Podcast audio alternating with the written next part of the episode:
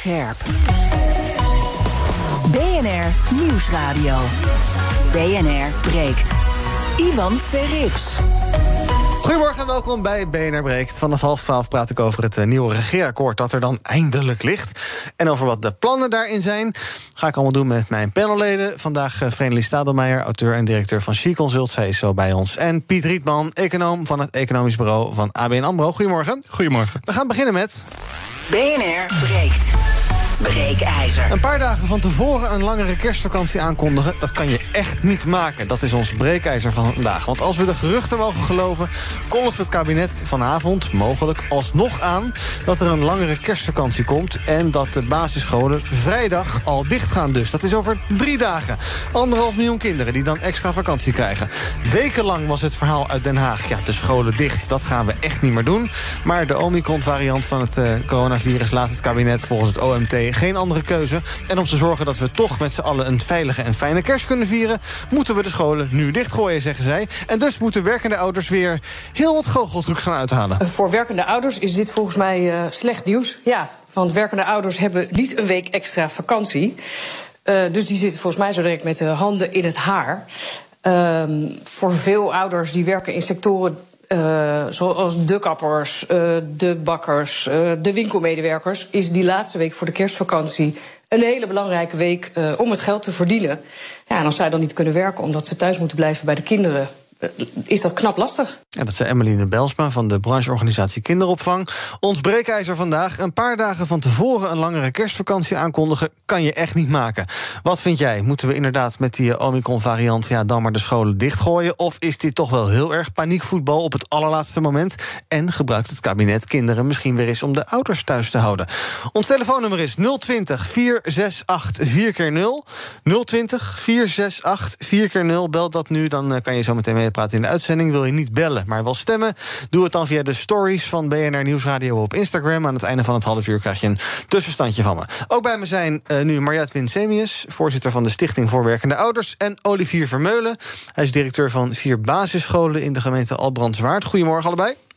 Goedemorgen. Ja, valt dit nieuws uh, voor jullie nou ook helemaal uit de lucht? Even bij jou uh, beginnen, Mariette, dat het er toch gaat komen misschien, die, die eerdere sluiting? Ja, het is een soort van duveltje uit een doosje wat uh, elke keer naar boven popt. Uh, donderdag zei minister Slop nog: nee, de scholen gaan we echt niet dicht doen. Nou, dat, dat hebben we al vaker gehoord. En ineens kwam zondag toch weer het bericht: ja, misschien moeten we het wel dicht doen. dus, en dat precies drie dagen zeg maar, voor een van de drukste weken van het jaar is voor ouders echt onvoorstelbaar. En, en ja, bizar. Ja, dus jij vindt ook dat je dat niet kan maken op zo'n manier? Om dat alsnog nee, ik vind dat je. Je had dit van tevoren dan ook uh, al eerder kunnen aankondigen. Maar überhaupt vinden wij dat scholen open moeten blijven. Olivier, wat vind jij? Ja. Nou, ik vind uh, in, inderdaad komt het uit de, uit de lucht vallen. Want we hebben natuurlijk een zeer stellige minister Slop gehoord. die echt zei: uh, de boel blijft open. Uh, en in de korte tijd blijkt dat dan toch wellicht anders te zijn. We weten natuurlijk nu nog niks zeker. Um, tegelijkertijd zou ik iets genuanceerder naar kijken. Ik begrijp heel goed uh, de problemen die ontstaan op alle vlakken. Tegelijkertijd uh, kan het natuurlijk zo zijn dat de, de heren en dames die hier echt verstand van hebben, dit als belangrijke um, interventie menen te, te moeten doen. En dan, ja, gezien de hitte in veel scholen, kan ik me er ook wel iets bij voorstellen. Ja, maakt het voor jullie als school nou nog uit? Want ja, je moet dan dus uh, vrijdag dicht in plaats van volgende week vrijdag. Is dat nou heel, heel is dat voor jullie nog problematisch? Of zijn jullie eigenlijk de minste problematische partij hierin? Nou, het, dubbele bij leerkrachten en bij onderwijs is dat we natuurlijk ook ouder zijn. Um, dus dat maakt dat je natuurlijk aan twee kanten op dat moment uh, uh, ja, met, met deze situatie te maken krijgt. Ja. krijgt. En het zal ook afhankelijk zijn van de opdracht die gegeven wordt. Wordt de opdracht gegeven om over te schakelen op thuisonderwijs, dan betekent dat nogal wat. En dat is in een periode waarin de hectiek natuurlijk enorm is is dat heftig. Ook een periode waarin we de afgelopen weken behoorlijk ingeteerd hebben op onze reserves. Uh, en dan heb ik het echt over mentale reserves. Omdat we echt aan het ja, kunst- en vliegwerk aan het doen zijn om de boel open te kunnen houden en draaiende te kunnen houden. Um, dan is dat echt wel een stevige uh, stap om naar thuisonderwijs over te, scha uh, te schakelen. Uh, tegelijkertijd hebben we dat natuurlijk al wel een paar keer gedaan. Dus er zit al wel wat kennis en kunde die we kunnen toepassen. Ehm, maar ja, mensen hebben inderdaad ook thuissituaties. Ze komen ineens voor de situatie te staan dat ze eigenlijk kinderen thuis hebben zitten, maar dan toch ook nog wel thuisonderwijs zouden moeten geven en wellicht zelfs ook nog opvang moeten realiseren. En dan wordt het wel aan veel kanten trekken aan mensen. Ja, Mariette Olivier zegt misschien zijn er uh, slimme mensen in Den Haag die hebben hier goed over nagedacht en die zeggen ja, het is toch wel heel erg verstandig om dit te doen in aanloop naar kerst en als het gaat om de verspreiding van het virus. Um, zijn dat argumenten waar jij gevoelig voor bent of zeg je ja, we hebben toch uh, besloten om die scholen open te houden? Dan moeten we dat doen ook. Nou, ik ben er zeker gevoelig voor. Want het gaat er vooral in eerste instantie om dat we die zorg uh, ontlasten. Uh, dus, dus het moet wel verantwoord zijn. Dat, mm. dat als eerste. Maar waar niet heel erg over nagedacht wordt, naar mijn mening. Is dat uh, je tegen ouders zegt: er is geen school. De vraag is in eerste instantie: komt er noodopvang op school? Wij krijgen al de eerste signalen dat er scholen zijn die zeggen: wij gaan geen noodopvang organiseren. Nou, dan, dan, dat vind ik onmogelijk, want dan belast je mij echt ergens mee. Mhm. Vervolgens is de BSO open, ja of nee? Uh, het zou heel raar zijn als de BSO wel open is. Want als die BSO open is, dan kan ik ze daar naartoe brengen. Waar overigens ook een groot personeelstekort is. Uh, uh, misschien nog wel groter dan in het onderwijs. Dus kunnen, kan ik mijn kinderen dan ook niet naar de BSO brengen? Oké, okay, waar breng ik ze dan naartoe? Naar opa en oma. Ja, dat, dat was precies hetgeen wat we niet moesten doen. Dus wat kan ik dan nog meer doen? Nou, dan kan ik nog zeggen met, met vrienden in de buurt van... oké, jij doet de maandag en ik dan doe dan de dinsdag. Maar dan komen komen ze alsnog bij elkaar te zitten. Dus wat er gezegd wordt is eigenlijk, uh, je moet een gezinsbubbel creëren. Dat is het doel van deze maatregel. Alleen die gezinsbubbel uh, dat is gewoon een gezinslockdown. Want eigenlijk moeten wij dus met het hele gezin binnen blijven zitten. Tot de kerst en de feestdagen. Maar dat betekent ook dat ze bijvoorbeeld niet mogen sporten. Ja. Nu mogen al deze jonge kinderen gewoon nog naar sport. Wat heel erg gezond is. En wat al heel vervelend is voor heel veel jongeren die niet kunnen sporten momenteel. Omdat ze om vijf uur uh, niet meer mogen sporten. Maar dat betekent ook dat ze niet naar een sportschool of naar een sportclub mogen. En geen team uh, met hun team iets mogen doen. Dus de gevolgen van even een week de scholen sluiten. En dat is ook nog een interessante, want het wordt aangekaart als vakantie. Uh, een extra week vakantie. Maar dat, dat is het niet. Het is feitelijk een onderwijsweek. Wat Olivier ook al zei. Dat betekent dat er thuisonderwijs gegeven moet worden. Ja. Dus, dus er zitten zoveel meer kanten aan. En eigenlijk wordt het over de bühne gegooid. Drie dagen uh, uh, voordat het ingaat. En ouders lossen het maar op. Ja, en heel veel onduidelijkheid. Dus ik kom zo bij jullie terug. Mariette en Olivier blijven even hangen. Een kort rondje panel. En daarna ga ik naar de bellers. Die reageren op ons breekijzer. Een paar dagen van tevoren een langere kerstvakantie aankondigen... kan je echt niet maken. Wat vind jij? Pak je telefoon, bel 020 468 4 keer 0 Vrenelie. Ja, um, nou ja, weet je, dit, dit balletje is natuurlijk een tijd geleden al, week, twee weken geleden opgegooid. Ik denk dan als ouder maak je een plan B. Stel nou dat dat gebeurt, dat die, dat die kerstvakantie inderdaad verlengd wordt met een week, hè, of eerder begint een week. Dan heb je toch een plan B. Ja, Daar denk je toch over na. Je hebt toch Slop voor alle camera's gezien. Slop die zei, we gaan het niet doen, het uh, onderwijs ja, blijft open. maar je weet, ook, je weet ook hoe dat gaat. Ze zeggen, er komt geen lockdown en er komt wel een lockdown. Ze zeggen, er komen geen mondkapjes en moeten we wel mondkapjes. Ja. Dus jij zit ik een beetje. als jij als, ja, ik, ik vind als je als ouder nu gaat zitten nekkeren, dan denk je ja, natuurlijk is het lastig, natuurlijk is het vervelend, dat begrijp ik heel goed. Ja, dus... dat is gewoon, maar het is ook ontzettend vervelend voor horeca-ondernemers die ineens moeten sluiten. En, en, en voor allerlei andere ondernemers, bijvoorbeeld in de, in, de, in de creatieve sector, die ook van het een op het andere moment dicht moeten doen. Dus jij zegt een beetje eigen schuld, dikke Ja, duidelijk. Nee, het, is gewoon, Piet, het is voor iedereen ruk. En, ja. en het is groeien met de riemen die je hebt. En gewoon nadenken over de toekomst. En nadenken van wat ga ik doen als het toch komt. Ja, nou. iedereen uh, moet een beetje ruk voor zich nemen. Ja. Uh, Piet. Ja. Wat vind jij, uh, onze breekijzer? Een paar dagen van tevoren een langere kerstvakantie aankondigen, dat kan je echt niet maken. Nou, het zal wel moeten. Hè. We moeten die Omicron-variant tegenhouden, dus dan moet je maatregelen nemen. Maar het stomme hieraan, en dat is natuurlijk al twee jaar lang eh, best wel stom, is de beleidsonzekerheid die ermee uh, samenhangt. Het is altijd weer een beetje meer maatregelen, een beetje minder. Um, alvast aankondigen, maar die worden toch weer terugnemen. Uh, ja, je ziet nu wat voor impact dat heeft op huishoudens. Die moeten ineens, die kunnen geen plannen maken, die moeten ineens uh, um, zelf dan maar bedenken hoe ze het allemaal oplossen, heel kort van tevoren. Um, kun je nagaan hoe dat is voor ondernemers. Hè? Die hebben ook al twee jaar lang te maken met ineens plannen die weer gewijzigd worden. Dus die kunnen al twee jaar lang niet echt ver vooruit kijken en daardoor investeren. Ja, voor huishoudens is dat ook zo. Die, die, die, als je het verder van tevoren zou weten, zou je misschien meer kerstaankopen doen, bijvoorbeeld. Mhm.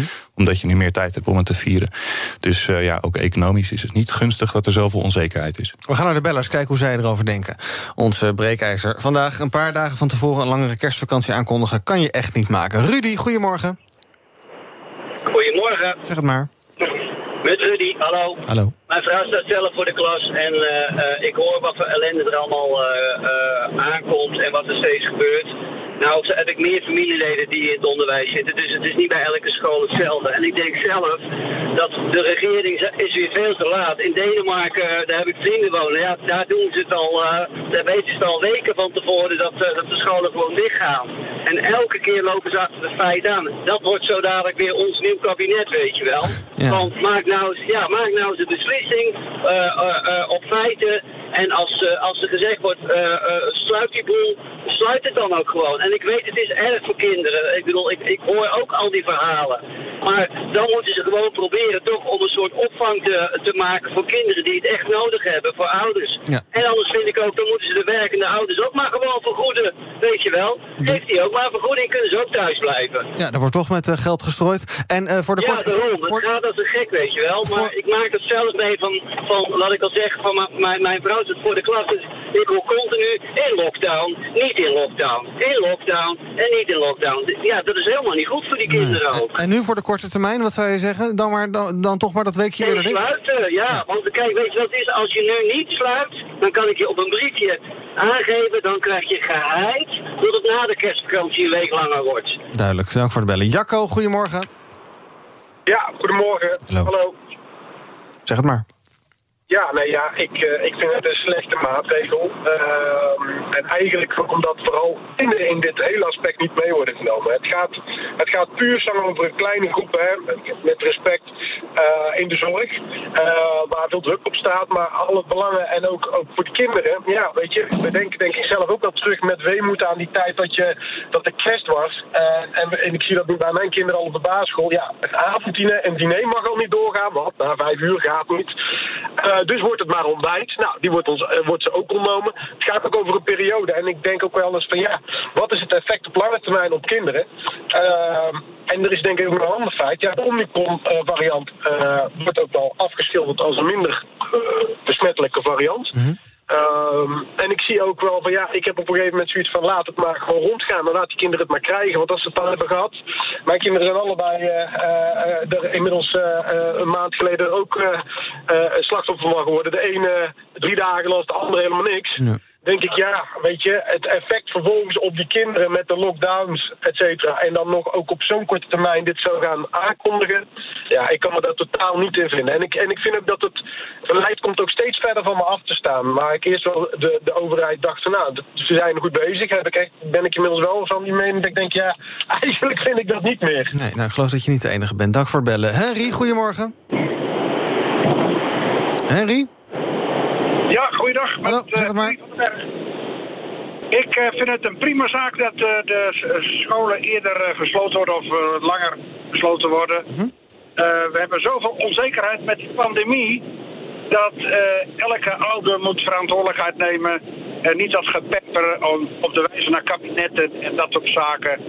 Daar ben ik Ja. het helemaal mee aan. Uh, beleid bestaat gewoon niet in deze pandemie. Ja, maar dan moet je het wel allemaal kunnen regelen als ouder zijn. Hè? En als je niet eh, ja, die Nou, middelen dan, daar... dan, dan blijf je thuis. Dan, dan blijf je thuis. Makkelijk gezegd, als je voor je werk naar werk moet... dan kan je toch niet thuis blijven?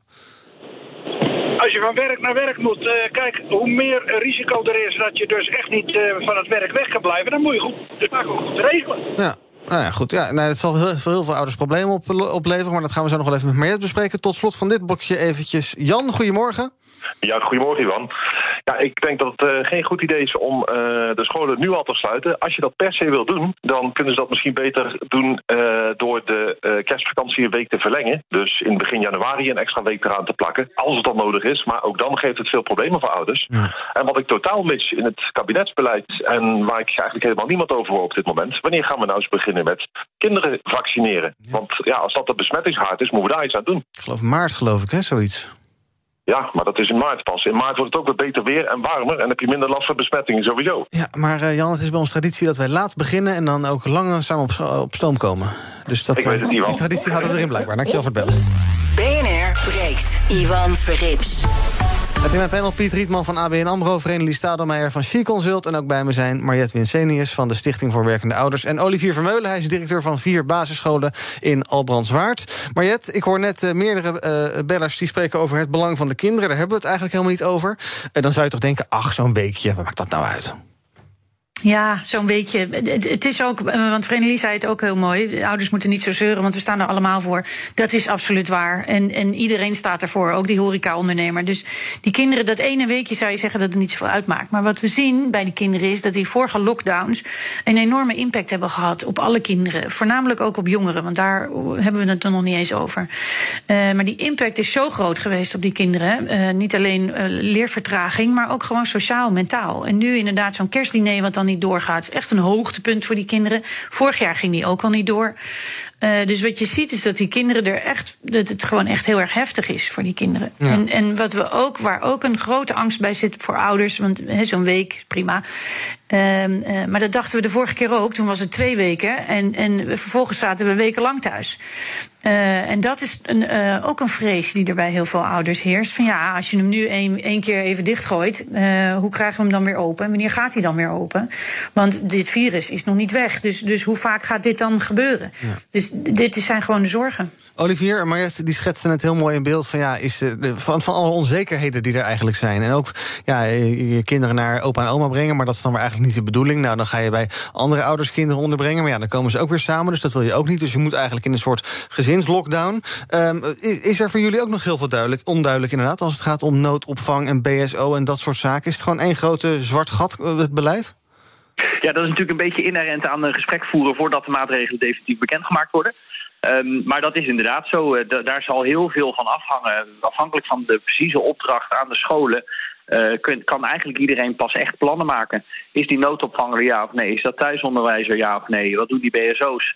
Ja, daar hangt natuurlijk ontzettend veel van af. Dus wij hebben bijvoorbeeld in onze organisatie ook morgenochtend eerste werk en overleg staan. Ja. Op directieniveau. Want ja, scenario's doorspreken van tevoren.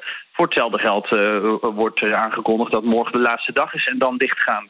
Ik geloof het niet, maar ja, we weten nog niks zeker. Dus het is wat lastig om, uh, om hierop vooruit te zien en hierop vooruit te organiseren. Ja. Zien jullie veel besmettingen op school? Het, het, het, het gaat uh, ja, veel onder kinderen rond, hè? Is dat bij jullie ja, ook een probleem? Is, ja, nou ja, dit is natuurlijk eigenlijk wel de kern van de zaak, denk ik. Um, dit is ontzettend wisselend. Ik heb vier scholen waar ik nu uh, als uh, waarnemend bestuurder uh, verantwoordelijk voor ben. En ik zie daar grote verschillen. Ik zie een, een, school die eigenlijk in de afgelopen periode op de top drie besmettingen heeft gehad. Dus dat is echt verwaarloosbaar.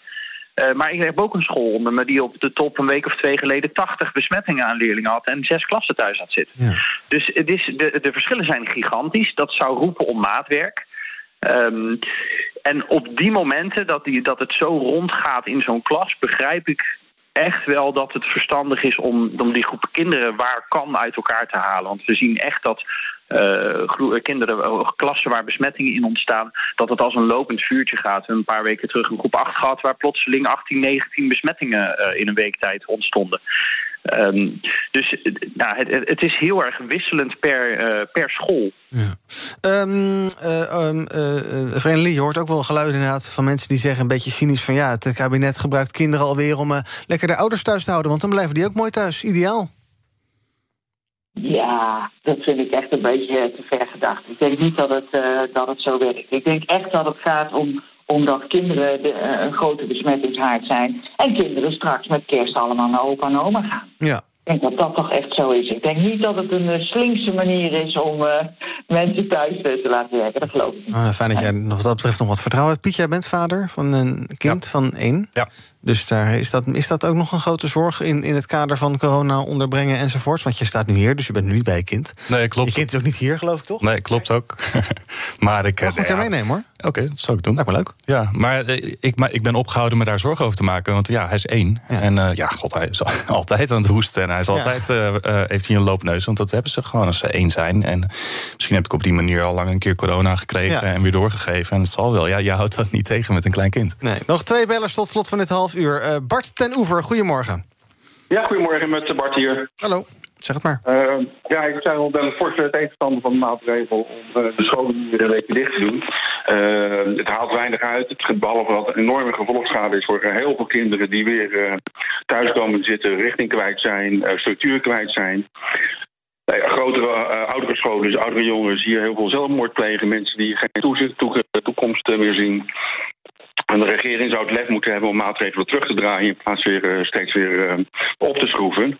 Uh, wat mij betreft hebben we te maken met een gewoon een virus, zoals elk jaar met het griepvirus. dat komt en dat gaat en er overlijden mensen aan. En blijkbaar mag in Nederland niet meer doodgaan. Ja, oké, duidelijk. Ja, hij zegt de nevenschade is dus groter dan het sluiten van die scholen om de verspreiding van het virus tegen te gaan. En Frodo, aan jou de eer om de laatste beller van dit half uur te zijn. Ja, goedemorgen Ivan. Ja, de vorige beller die heeft al een beetje het gras voor mijn voeten weggemaaid. Uh, het is weer het uh, slachtoffer van uh, kinderen voor, ja, eigenlijk inderdaad wat hij zegt, een handvol ouderen. de schade bij die vorige lockdowns, 40.000 meer extra kindermishandelingen, inderdaad depressiviteit, et cetera. Het is tijd dat, dat het tijd dat, dat de kinderen nu meer aan bod komen. De jongere generatie. Ja, dat wou ik even kwijt. Ja, duidelijk. Dank voor het bellen. Marjet, tot slot van het half uur. Ja, Stichting voor Werkende Ouders. Wat is jouw advies uh, nu? Laten we er even uitgaan dat we vanavond horen... dat uh, inderdaad die scholen dichtgaan volgende week. Wat is jouw advies dan? Wat raad je ouders aan? Ja, het eerste wat wij zeggen is blijven ademhalen. uh, dat klinkt een beetje gek, maar dat is echt even het belangrijkste. En, en een praktische tip is check verlofregelaar.nl... om te kijken wat voor verlofregelingen er mogelijk zijn. En ga ook in gesprek met je werkgever. Alright, dank jullie wel. Uh, basisschooldirecteur Olivier Vermeulen en Mariette Winsenius... van de Stichting voor Werkende Ouders. Zometeen gaan we verder praten met mijn panel, met Vreemdelie en met Piet... over uh, werkgelegenheidscijfers, want dat blijft maar groeien. Waar moeten we al die mensen vandaan halen? En minder leuk, de verschrikkelijke kerstverwensingen aan het adres van Marion Koopmans. Um, en dan krijg je tot slot ook nog eventjes uh, de uitslag van de Instagram-poll over ons breekijzer. Een paar dagen van tevoren een langere kerstvakantie aankondigen kan je echt niet maken. 75% is het daarmee eens. Zometeen dus in het tweede deel van BNR Breekt al het nieuws van de dag uh, hier op BNR. Tot zo. Bij BNR ben je altijd als eerste op de hoogte van het laatste nieuws. Luister dagelijks live via internet. Jelle Maasbach. Wesley Weert. We zijn er voor je met het leukste, opvallendste, maar natuurlijk ook het belangrijkste nieuws. Tijdens de presentatie van die halfjaarcijfers toen die beurskoers in elkaar kukkelde. BNR Beurs. Voor de slimme belegger. Blijf scherp en mis niets. Blijf scherp. BNR Nieuwsradio. BNR breekt. Ivan Verrips. Welkom terug. Vandaag in mijn panel Vrenelie Stadelmeijer, auteur en directeur bij She Consult... en Piet Rietman, econoom bij het Economisch Bureau van ABN AMRO. We gaan het hebben over politiek Den Haag. Want we hadden de hoop misschien wel bijna een soort van opgegeven... dan maar een keer nieuwe verkiezingen of zoiets. Maar negen maanden na die eerste verkiezingen, maart vorig jaar... is er dan toch eindelijk echt een keer een regeerakkoord. Vandaag uh, praten de fracties uh, van VVD, D66, CDA en de ChristenUnie er nog over. Dat lijkt een formaliteit, misschien nog een beetje schaven links of rechts... en morgen morgen wordt dat akkoord dan gepresenteerd. Nou, Vreemdelie, hè, hè, blij dat er eindelijk een, uh, ja, een volledig missionair kabinet lijkt te komen? Nou, het zou tijd worden. Ja, maar goed, dat, dat, dat uh, vindt uh, iedereen uh, in Nederland, denk ik. Um, en dat is eigenlijk ook meteen mijn nieuws van vandaag. Want ze noemen het een herstelkabinet, hè? Herstelkabinet ja. Rutte 4. Dan denk ik, misschien eigenlijk wordt het toch ook Kaag 1. Dat zou pas echt van durf getuigen, hè? Als Rutte zou zeggen van nou, het wordt tijd voor een vrouwelijke uh, premier. Mm maar goed, dat zal wel, niet, uh, zal wel niet gebeuren. Maar het wordt een herstelkabinet en de geruchtenmachine die draait op volle toeren. Die zegt van nou, dat wordt 50% vrouwen. Ja. Kijk, uh, eindelijk heeft Mark een vrouw gevonden, zou je dat kunnen zeggen. Hè? Ja, maar, hij moest, uh, moest wel nou heel goed zoeken, denk ik hoor. Hij moet wel, nou ja, ik denk niet dat hij heel goed moet zoeken. Je moet gewoon, uh, er zijn genoeg vrouwen die dat, die dat natuurlijk kunnen. En je ziet vrouwen steeds meer leidinggevende posities krijgen. Hè? Nou, autofabrikanten, softwaregiganten, warenhuizen. Uh, uh, we hebben natuurlijk een aantal vrouwelijke premiers ook in uh, andere landen, dus waarom hier niet? Ja. Hè? Maar is het ambitieus, is het ambitieus 50% vrouw of is het eigenlijk nee. gewoon de, de bare minimum? En dan moet je gewoon. Ja, ja, vind ik wel. Weet je, we geven decennia lang evenveel geld uit aan het onderwijs van meisjes dan dat van jongens. Meisjes doen het beter op universiteiten en op hogescholen. En vervolgens laten we ze niet mee beslissen over zaken van landsbelang. Nou, dat is gewoon raar. We hebben genoeg topvrouwen die dat prima zouden kunnen. Ja, uh, nou, en dan, en dan dat, hers, ja, dat herstelkabinet gaat mhm. nog meer iets doen. Ook, ook heel erg belangrijk, kinderopvang gratis. Ja. Belangrijk, zodat beide ouders hun ambities kunnen realiseren. En dat vrouwen ook blijven werken als er kinderen komen. En dat is belangrijk voor de economische zelfstandigheid van vrouwen. Nog steeds is de helft van de Nederlandse vrouwen niet economisch zelfstandig. Ze verdienen minder dan 900 euro per maand. Is echt niet alleen in de onderste lagen van de bevolking. En veel vrouwen belanden na een scheiding in de armoedeval. Nou, dat wil je niet. Nee. Uh, uh, en kinderopvang is, uh, is, helpt om de taken eerlijker te verdelen thuis. Gratis kinderopvang. Bovendien is kinderopvang goed voor kinderen. Het vergroot de kansengelijkheid. Kortom, een herstelkabinet ja, top. Ik hoor jou best positief inderdaad, ja. Ja, ja nou mooi. Piet, uh, ik ga even het klassieke argument gebruiken. Ja, 50-50 vrouwen. Je moet gewoon naar kwaliteit van de mensen kijken. Of is 50-50 vrouwen een goed idee? Ja, maar als we naar kwaliteit zouden kijken, dan zou je dus uh, zo op 50-50 uit moeten komen, ja, gemiddeld gesproken. Misschien wel meer. Misschien wel meer. dus uh, het, is, uh, ja, het is eigenlijk ook niet iets om blij mee te zijn hè, dat er nu 50-50 is. Het zou al lang geregeld moeten zijn. Dus uh, ja. heb ik door. Um, ja, en die kinderopvang, ik ben benieuwd. Uh, ik vind het heel positief. Het, is, uh, het zal een hele uh, gunstige impact hebben op, op lagere inkomens. Die worden daardoor wat koopkrachtiger. Dat vind ik er heel positief aan ben benieuwd wat voor effect het heeft op de arbeidsmarkt. Er wordt altijd gedacht van, uh, van nou ja, in een huishouden waarin uh, de een uh, 32 uur werkt en de ander. Um, 24. dan gaat bijvoorbeeld degene die 24 werkt, gaat ook 32 werken vanwege die gratis kinderopvang. Dat wordt vaak gedacht. Um, en over het algemeen is dat dan de vrouw in een heteroseksuele relatie. Maar ja, als, je, als die man van 32 naar 40 gaat mhm. vanwege die gratis kinderopvang, dan neemt de genderongelijkheid dus juist toe door mhm. deze maatregel. Dus misschien gaan mannen wel die papa-dag eraan geven. Dat zou wel een gek uh, neveneffect zijn dat we niet verwachten door deze maatregel. Het is ook een beetje een interessante proeftuin eigenlijk van wat, wat dit wat Vito nou gaat doen. Ja, zeker. Ik ben heel benieuwd. Er zal sowieso meer gewerkt gaan worden. Maar uh, of de genderongelijkheid erdoor afneemt, dat weet ik niet. De hoofdlijn is volgens mij een beetje, Vreemdelie zei het al, herstelkabinet. We gaan gewoon overal geld tegenaan smijten. Het is toch praktisch gratis. Is dat een uh, verstandige keuze? Ja. Ja, over klimaat, stikstof, eh, onderwijs, defensie, overal miljarden heen. Het, ja. uh, we waren ooit een soort uh, Calvinistisch zuinig landje, maar ja. dat moet er maar eens mee stoppen. Nee, uh, CPB heeft laten zien in, in september bij Prinsjesdag dat er structurele ruimte op de begroting is ontstaan. Nou, die zal nu gebruikt worden. Daarnaast worden er drie incidentele potten geld gemaakt. Hè, dus dan wordt er waarschijnlijk gewoon, denk ik, geld ontrokken aan kapitaalmarkten om te investeren in stikstof, klimaat en woningmarkt. nou ja, dat kan, want rente is heel erg laag. Dus die ruimte is er. Dit is het moment om dat te doen. Ja, zolang het eenmalige uitgaven zijn, is dat ook niet zo'n probleem waarschijnlijk. Nee, maar ook voor structurele uitgaven is ruimte. Ja. Vreemdelie, uh, blij mee dat we gaan smijten met geld? Lekker man. Nou, kijk, wij, ja, we hebben gewoon een aantal forse problemen... die gewoon uh, uh, al heel lang op de plank liggen en, en maar verergeren. Noem het klimaat, maar bijvoorbeeld ook de, de woningnood. Het is echt ja, gewoon een drama. Uh, uh, daar moet niet alleen geld tegenaan, maar daar moet denk ik ook wat veranderde wetgeving tegenaan. Ja, en uh, beleid. Ja. Ja. Ja. Um, ja. Tot slot het economische uh, hoekje. NRC schrijft dat uh, het uh, plan, het regeerakkoord wat er dus zou liggen... dat dat niet doorgerekend is, omdat ze haast hadden... en er eigenlijk geen tijd voor hadden. Piet, is dat onverstandig om dat niet te doen? Om niet die paar dagen die dat kost misschien... ik weet niet hoe snel ze zijn bij het CPB... maar om dat allemaal door te rekenen? Nou, ik, uh, ik weet niet of dit zo'n slecht idee is. Het betekent, en uh, ik begrijp dat dat uh, de andere uitleg is. Er wordt gezegd van dit komt door haast. Er wordt ook gezegd door Wimar Bolhuis, een econoom, die zegt van ja, je hebt veel verstand van hoe die doorrekeningen van het CPB werken. Die zegt van, van ja, dit is eigenlijk ook wel weer gunstig. Dat betekent dat pas als het kabinet er zit en ze komen met een startnotitie en de ministers gaan op hun beleidsterreinen plannen maken, dan wordt het doorgerekend ten behoeve van het debat met de Kamer dat dan moet plaatsvinden. Dus het geeft in die zin bewindspersonen en de Kamer meer uh, ruimte. Uh, om samen te beslissen. In plaats van hoe het vroeger was, namelijk die coalitiefracties bedenken alles van tevoren. Dus mm -hmm. volgens mij is het voor het dualisme wel een impuls. Ja, maar we krijgen het alsnog een document van uh, 50 pagina's naar het schijnt. Dus dat is dan toch niet een of ander ding op hoofdlijnen. En dan gaan we het later met de Kamer maar eens uitvechten. Maar het zijn toch gewoon alsnog volledig uitgeschreven plannen en ideeën. Ja, dat is wel jammer. Ja. ja, had je liever anders gezien.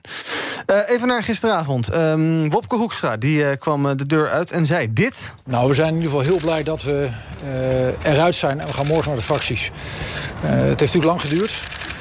had af en toe ook wel iets van een, van een tangverlossing. maar morgen gaan we naar de fracties en daarna gaan we naar buiten, gaan we naar u toe. Ja, ik heb geen kinderen, dus ik moest toch even googlen. Een tangverlossing. Uh, Vereniging, het klinkt niet alsof dat een pretje is hè, geweest voor Hoekstra. Nou ja, ik ben daar ook geen ervaringsdeskundige in. Ik heb wel drie kinderen gekregen, maar niet met de tang. Maar dat is wel een schrikbeeld van iedere uh, stel wat kinderen krijgt... dat er een tangverlossing uit de pas moet komen. Want dat is nogal uh, gewelddadig, zullen we maar zeggen. Ja. Dus... nou ja, kennelijk ging het er heel heftig aan toe, denk ja. ik dan. Ja, nou misschien is het dan een hele mooie baby, dat zou kunnen. Ja, ja, iedere baby is heel mooi, dus dat is altijd goed. Ja. Hey, laten we nog eventjes eh, over uh, de poppetjes praten. Want ja, er moest nieuw elan gaan komen. Dus dan zou je kunnen denken, Piet, eh, de meeste ministers... die moeten gewoon inpakken. Want als er een nieuw kabinet komt met een nieuw elan... en nieuwe bestuurscultuur en dat soort zaken... dan wil je niet weer Stef Blok op zijn zoveelste departement hebben. ben je het daarmee eens of zeg je van... nou, we gaan toch wel weer gewoon namen terugzien? Of zeg je van, nou, kom maar eens op met uh, nou, Hennis of uh, Onno Hoes... we zagen op de VVD-lijstjes voorbij komen. Of uh, Wiebe Draaier op de D66-lijstjes. Of, ja. Ja. ja. maar we weten eigenlijk nog helemaal niks. Hè? Behalve dan dat ehm, er dus gendergelijkheid moet komen in een aantal ministers. -huh. Dat weten we. En we hebben ook gelezen dat... Uh, volksgezondheid niet meer naar CDA mm -hmm. gaat. En volgens mij heb ik ook ergens gelezen financiën naar D66. Mm -hmm. Dus dat zijn wel redenen om uh, met nieuwe poppetjes te moeten komen. Ja, omdat ze nu geen huidige geschikte, geschikte persoon hebben voor die, uh, voor die departementen, die partijen. Ja, omdat die mensen daar nu nog niet zitten. Dus er zal sowieso iets gaan, iets gaan veranderen. Ja. Ja. We hoorden trouwens dat over dat 50-50 man-vrouw... dat het CDA daar een beetje moeite mee heeft... omdat alle mannen daar heel graag door willen bij het CDA. Dat is toch wel een probleem? Ja, of moeten die maar Ja. een beetje pas op de plaats maken? Ja, die moeten dan maar pas op de plaats maken, ja. Ja, dus dat ja, is, weet je, soms is het niet eerlijk. ja, dus dat is dan balen voor Hugo de Jonge... en balen voor eh, Raymond Knops en eh, balen voor eh een Grapperhaus... die wil ook graag Nou door. ja, ik, ik weet niet hoe ze dat, eh, eh, hoe ze dat gaan, eh, gaan verdelen. Ik weet ook niet of ze gaan- per partij gaan zeggen... van je moet evenveel vrouwen als mannen leveren. Geen idee. Mhm. Eh, dat zou natuurlijk wel, wel een goed idee zijn, eh, denk ik. Laten we even Ja, luisteren naar... kijk, weet, weet je, we weten het gewoon niet. Dus eh, laten we dat maar even afwachten. Ja, nou, dan om het speculeren even compleet te maken... luisteren we nog even naar D66-leider, voormalig D66-leider Alexander Pechtold. Die eh, spraken we hier gisteren op BNR, die zei dit. CDA en D66 hadden allebei 19 zetels. Alleen de Buma had 15.000 stemmen meer dan ik. Dus ik wilde ook heel graag financiën. Overigens wilde Rutte ook financiën. Toen hebben we gezegd, nou Mark, die, die kan je krijgen... maar dan gaan we het premierschap weer eventjes opnieuw beoordelen. Toen was hij in ieder geval van het bord af. Hè? Het is ook een soort, een soort je niet. Nou ja, uiteindelijk bleef Buma vasthouden aan... ik heb er 15.000 meer, dus ik wil financiën. Nou ja, toen ben ik snel doorgeschakeld naar sociale zaken voor Wouter Koolmees. Maar ja, toen moest ik die zegers weer van me afhouden... want die wilde sociale zaken ook voor, eh, ook voor iemand. Ja, dan moet je je verdedigen. En wel een leuk spelletje, Piet. Jee, Ja, mooi toch? erg. Oh, waar- waarom erg? Nou, dit is, het, het gaat dus helemaal niet meer over wie er gekwalificeerd is voor een bepaald nee. ministerie, wie daar de kennis, de ervaring, het netwerk, whatever in heeft. Het gaat gewoon, ik heb meer stemmen dan jij, dus ik heb meer recht. Nou, echt te erg Dat dit. is toch democratisch dat degene met de meeste stemmen de belangrijkste ministeries krijgt? Die wil toch met Ja, de meeste zo- stemmen de ja, meeste invloed op beleid? Ja, maar het gaat toch ook over kwaliteit en over eh, eh, wie het beste past op een bepaald ministerie. En toch niet over ik heb meer stemmen dan jij, dus ik wil dat ministerie. Het is toch echt van de zotte. Ja, zeker als je, echt zot. zeker als je een ding als een nieuw elan, een nieuwe bestuurscultuur eh, predikt... dan moet je niet met dit soort spelletjes meer aankomen. Dan moet dit iets, iets uit het verleden zijn, zeg jij. Ja, dan, dan gaat het om kwaliteit. Ja. Ja, en, en je kunt toch niet een minister op financiën hebben die geen zak van financiën af weet? Nou ja, we Dat, hebben, ook, toch, dat is toch dom? we hebben ook een schoolbestuurder die eh, volksgezondheid doet nu. Ja, dat is ook dom. Ja, dan moet, hij ook, dan moet hij ook weg, maar dat wil hij zelf geloof ik niet. Alright, eh, we houden het er even bij. BNR breekt. Thomas van Zel van Zaken doen. Alles vliegt hier van tafel, de emoties lopen hoog op. Heftig zeg. Heb jij nog wensen voor het nieuwe kabinet nu je er toch bent? Wensen voor het nieuwe kabinet. Even kijken, hoeveel posten waren er ook alweer? Ik ben nog niet gebeld. Ik heb hem ook op niet storen staan. Misschien eh, is dat ook problematisch, mijn Uh, telefoon dan. Ja. niet. Geen mensen? Of Nee, kan je- nog, nog kan je daar niet. over uitspreken? Nee, nou ja, weet je, ik zeg eh, vaak genoeg dat ik best tevreden ben hier. Ja. Ja. Dus ja, dat blijft dan ook zo. Nou, mooi. Dan houden we gewoon alles zoals het was. Gaan we gewoon door op de overvoet. Hey, zometeen om 12 uur presenteer je zaken doen. Ja, met uh, Peter van El. Hij is van Doppio, de oprichter van de koffieketen... die twee andere koffieketens heeft overgenomen in één klap. En dat betekent dat het aantal franchise-nemers... dat eronder valt ook enorm toeneemt. En dat is nodig ook, want je redt het alleen in deze wereld op schaal. Dus misschien wordt je nog wel heel veel groter. Hoe je dat doet, in één klap twee bedrijven overnemen... daar ga je zo meteen van alles over horen. Ik praat ook met uh, de oprichter van Evi. Die ontwikkelen drones. Uh, en daarmee proberen ze ook hulpdiensten te ondersteunen. Dus een van hun partners is bijvoorbeeld de bloedbank Sanguine. En het idee is dat er ook echt lijnvluchten gaan ontstaan... tussen ziekenhuizen en laboratoria. Want die drones die kunnen medische pakketjes meenemen... als het niet te hard waait, geloof ik. Boven windkracht 5 wordt het allemaal erg spannend. dus dat uh, bespreek ik. Het beleggerspanel is er. En ik uh, spreek zo meteen ook met iets wat jullie in de ochtend ook al hebben doorgenomen. Namelijk de strijd om dat datacenter, de grond in Zeewolde. Het collectief dat nu probeert om Meta, Facebook, dwars te zitten. En ervoor te zorgen dat die grond niet naar Meta gaat voor de bouw van een nieuw datacenter. Maar landbouwgrond blijft. Daar hebben wij het niet over gehad hoor. Jawel, die dam toch? Oh, nou dat is toch de vrouw van die supermarkt? Maar dat krijgt toch een vervolg? Oh. Ja, jij koppelt weer allemaal verhalen aan elkaar. Ik, nou, dat nee. gaat weer boven mijn pet hoor, wat je allemaal doet. Nou, dan zou ik zeggen 12 uur, blijf nog even luisteren. Ja, ik doe het wel. Beter, denk ik. Zometeen met Thomas van Zel, dankjewel. BNR breekt. Er blijft maar werk bijkomen. In het eerste kwartaal van volgend jaar groeit de werkgelegenheid door naar recordhoogte, blijkt uit onderzoek van de Manpower Group. In één jaar tijd steeg de vraag naar personeel met 45 procent, zegt Jeroen Swinkels, algemeen directeur van die Manpower Group. Er zijn een aantal sectoren die, uh, die daar uitspringen. Financiële zakelijke dienstverlening. En dat met name omdat heel veel bedrijven nieuwe initiatieven onder, ontplooien. Dus dat zijn niet zozeer de banken en de verzekeraars, maar eigenlijk de, de toeleverende uh, zakelijke dienstverlening. IT, uh, dat, dat, daar zien we dat, uh, dat eigenlijk tijdens de coronacrisis investeringen door zijn gegaan. Uh, maar daar neemt die vraag nog veel meer toe.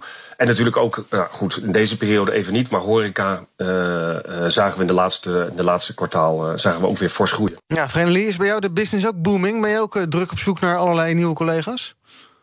Nou, we hebben heel veel werk, ja. Ja, we hebben heel veel werk, dus dat is heel fijn. Ja. ja en lukt dat een beetje ja. om daar mensen voor te vinden? Uh, nou ja, soms is het lastig, met name als het gaat over IT. Uh -huh. uh, dan zien we dat het, dat, het, dat het inderdaad lastig is om daar mensen voor te vinden.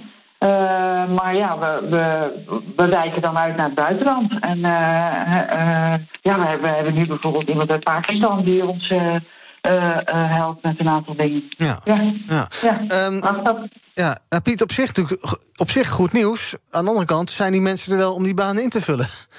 Kunnen we ja. allemaal banen creëren, maar ja. Ja, maar het is, het is op zich een hele gezonde vorm van, uh, van personeelstekorten ook die je ziet. Hè. Dus dat is de, de verhouding tussen het aantal werkzoekenden en het aantal vacatures. Dat is over het algemeen de definitie daarvan. Nou ja, als er heel weinig werkzoekenden uh, zijn en daardoor is er, uh, is er krapte, dan, is dat, dan is dat ook ongezond. kan dat ongezond zijn, maar het komt nu vooral voort uit dat er veel vacatures zijn. Mm-hmm. Dat groeit gewoon. Het aantal banen in Nederland is, is hoger dan ooit. Maandelijks komen daar CBS-cijfers over en dat blijft maar stijgen.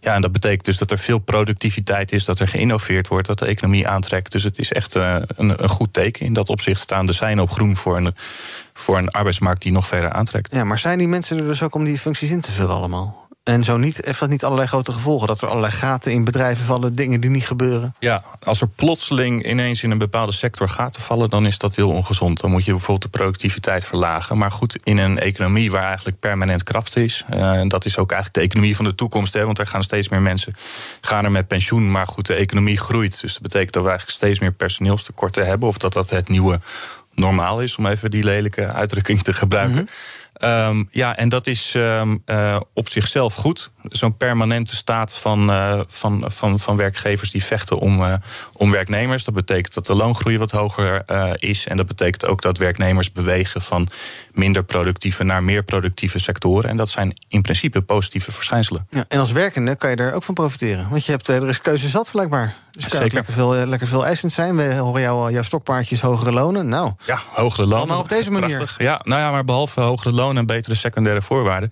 kun je in een krappe arbeidsmarkt bijvoorbeeld ook eens als werknemer eens goed nadenken over: hé, hey, wat wil ik? Wat vind ik leuk? Wat, uh, wat, wat is voor mij een belangrijke vorm van zingeving?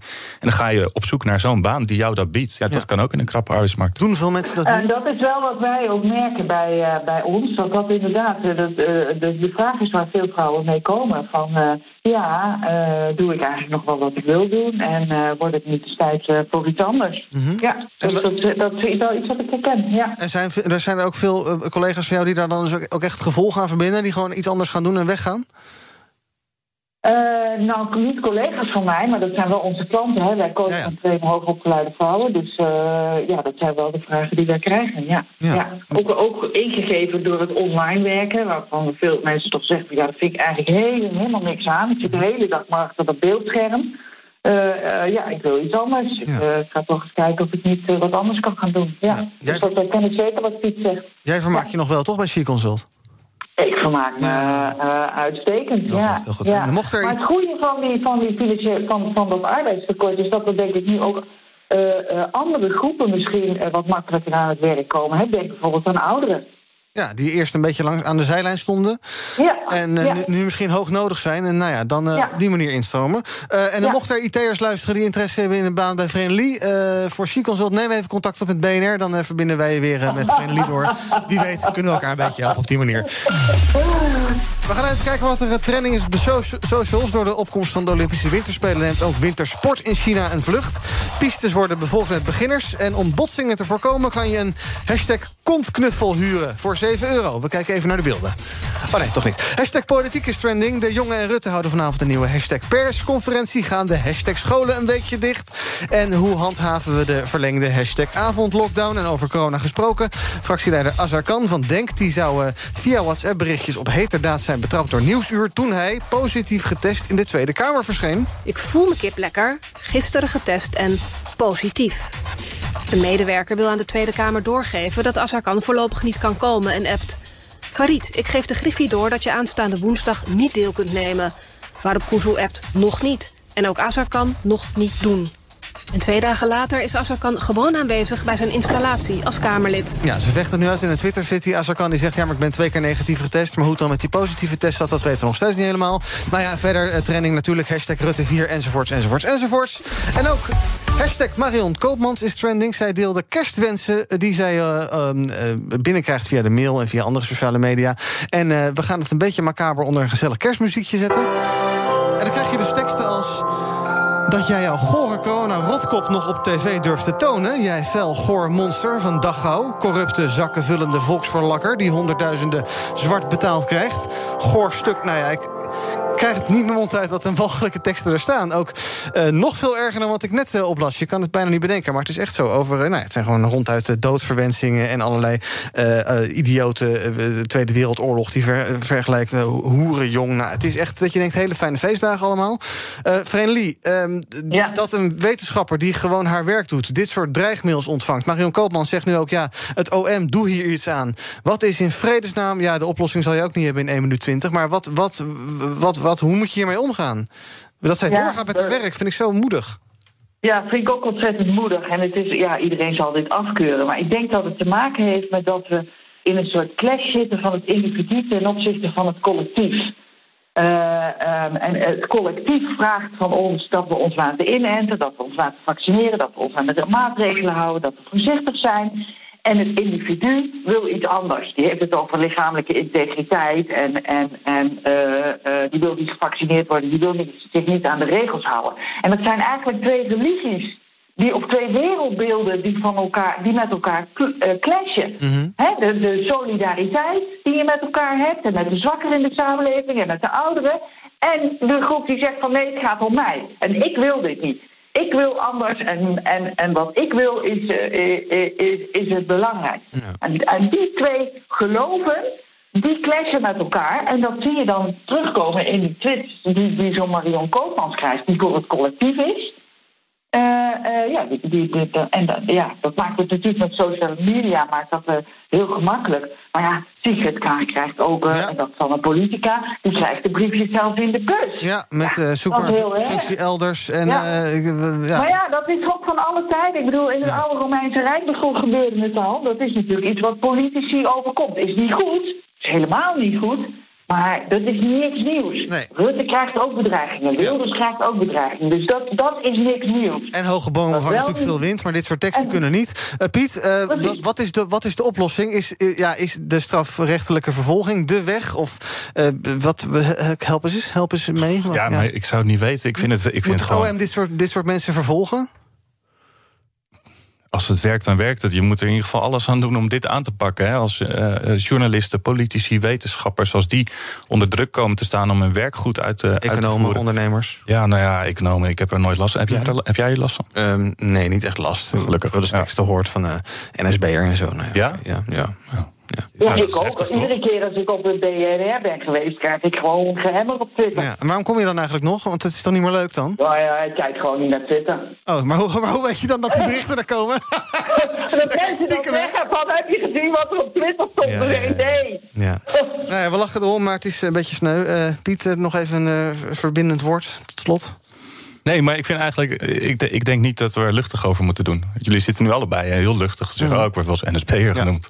Dat is toch niet normaal? Nee, je, gaat normaal. Dan, nee. je gaat dan niet weer op een, op een rustige, fijne manier aan het werk. Ja, dat, dat er wel. Ja? Ja hoor. Oh, dat vind ik heel knap. Er zijn ook, ja. ook altijd anonieme mensen die dat onder YouTube-filmpjes doen. En die zeggen dan, ja, je moet tegen de muur. Nou ja, oké, okay, ja. Wauw. Ja. Maar ja. dan zijn we echt al aan heel veel nadigheid geweest. Ja, dat zijn we ook, ja. ja. Zo. Ja, maar het is echt Twitter. Dat is gewoon Twitter. Ja, maar ook andere sociale media. Ja, erg toch? Ja, het is tamelijk erg, maar wat doe je er tegen? Dat is de vraag. We gaan er niet uitkomen hier, denk ik ook. Maar het is misschien wel eens een keer goed om daar een uh, aparte breekijzer aan te wijden... of iets dergelijks. Of wat ja, goed idee. Dank jullie wel, wellicht de volgende keer. Vreemdelie Stadelmeijer van de Chic Consult en Piet Rietman. Ja. Hij werkt bij uh, ABN AMRO. Morgen ben ik er weer en tot die tijd kun je ons volgen via de socials. En nu is hier... Uh, zonder beledigingen en volledig keurig scheldwoordvrij... Thomas van Zel met Zaken doen. Tot morgen. Bij BNR ben je altijd als eerste op de hoogte van het laatste nieuws. Luister dagelijks live via internet. Jelle Maasbach, Wesley Weert. We zijn er voor je met het leukste, opvallendste, maar natuurlijk ook het belangrijkste nieuws. Tijdens de presentatie van die halfjaarcijfers toen die beurskoers in elkaar kukkelde. BNR Beurs. Voor de slimme belegger. Blijf scherp en mis niets.